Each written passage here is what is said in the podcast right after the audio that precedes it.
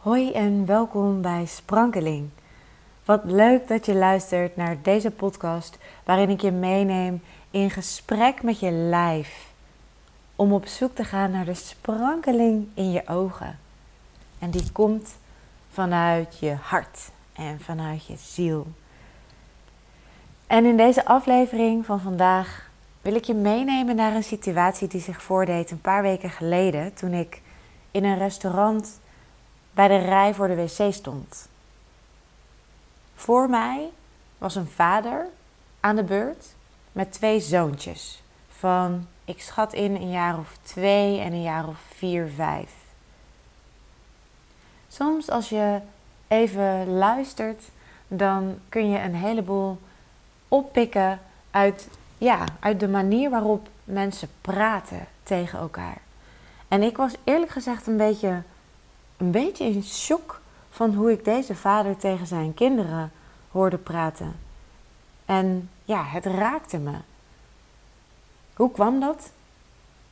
Die man die stond met twee zoontjes te wachten om naar de wc te kunnen gaan. En de jongste van de twee had een luier om. Nou, het eerste ding gebeurde dat de deur van de vrouwenwc openging. En dat jongste jochie liep naar die deur toe. Want ja, de deur gaat open. Nee, zei de vader, kijk dan. En hij wees naar het plaatje van een vrouw op de deur. Dat is niet voor ons. Of ben je soms een meisje? zei hij. En ik dacht, nou, wat mij betreft, als zo'n kind heel nodig moet plassen, dan is het prima om even te wachten.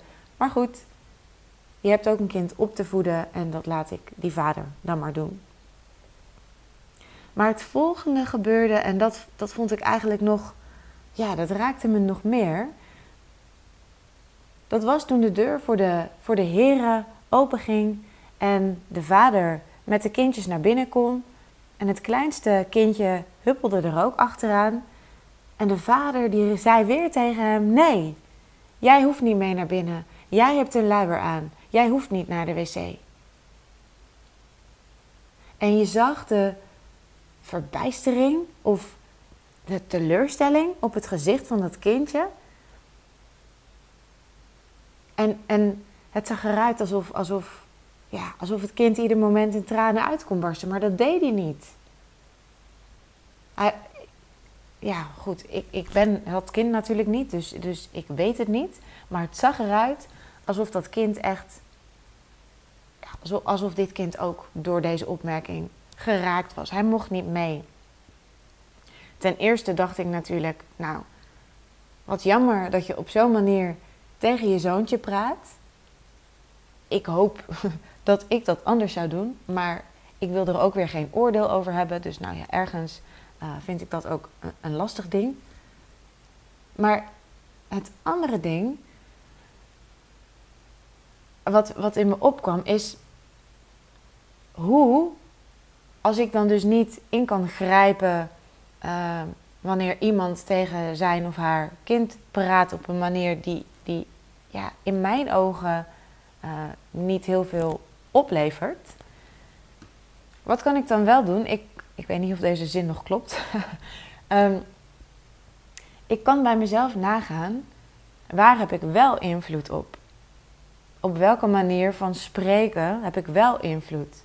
En toen keek ik naar dat yogi en ineens zag ik in dat yogi van twee mijn eigen kleine ik. En ik keek naar mezelf en ik dacht: Oh meisje, hoe vaak praat ik tegen jou alsof datgene wat jij wilt en of datgene wat jij nodig hebt er niet toe doet.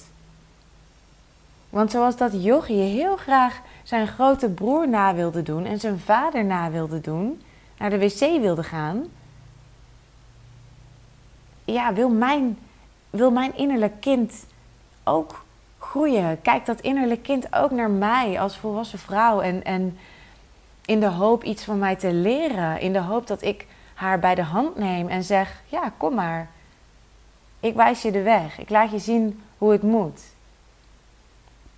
In plaats daarvan zeg ik heel vaak tegen dat innerlijke speelse kind van mij, dat soms nog twijfelt of bang is of onzeker, Ga weg. Dit is niks voor jou. Hier heb ik jou niet bij nodig. Dit is voor mij. Dit is niet voor kinderen. En natuurlijk is dat gesprek niet zo letterlijk, maar het deed me er wel echt ontzettend aan denken.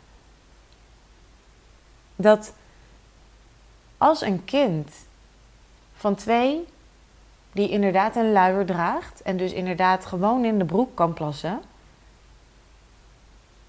de vraag heeft, al is het maar een vraag met de ogen: Papa, mag ik mee? Ik wil iets leren, ik wil naar een volgende fase. Ja, hoe reageer je dan? Dan wil je zo'n kind toch bij de hand nemen en laten zien van ja, je bent nu nog in deze fase, maar dit is waar we naartoe gaan. En ja, misschien is dit, dit voorbeeld van waar naar de wc gaan wel weer uh, lekker plastisch. Maar ja, het zette me gewoon aan het denken. Ja. Neem, neem, neem een kind bij de hand. En in plaats van die harde nee, dit is niet voor jou. En je draagt een luier, dus nou ja, red je maar met de situatie die er is. Ja, ik kan me wel voorstellen hoe onplezierig het is om in je luier te plassen. Dus ik kan me ook wel voorstellen hoe fijn het is als je het bewustzijn hebt van hé, hey, ik kan groeien, ik kan deze fase ontstijgen, om te leren hoe dat moet.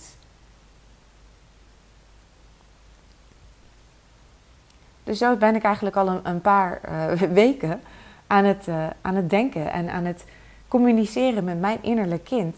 Van hé, hey, wat, in welke fase zit jij nu waar je in je uppie niet uit kunt komen? En waar heb je mijn hulp als volwassen vrouw bij nodig? En omgekeerd, hè? Waar kan ik als volwassen vrouw de hulp, de onbevangenheid, de speelsheid inschakelen van mijn innerlijk kind? Nou, dat vind ik best een interessant thema om mee bezig te zijn. Dus dit is ook mijn vraag aan jou. Als je ervan bewust bent, kijk dan eens hoe je praat tegen jouw innerlijk kind.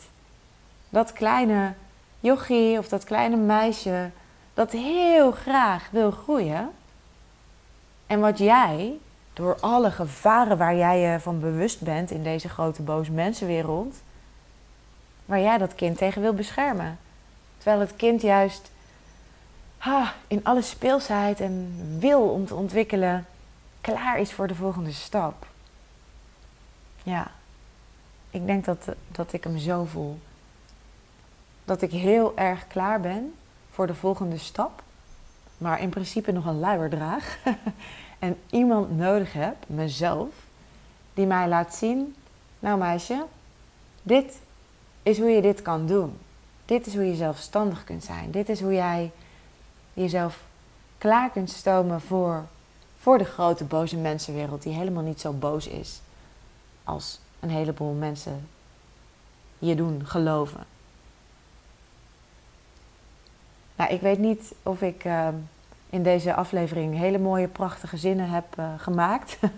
maar ik hoop dat je een beetje begrijpt wat ik bedoel als ik het heb over het gesprek aangaan met je innerlijk kind.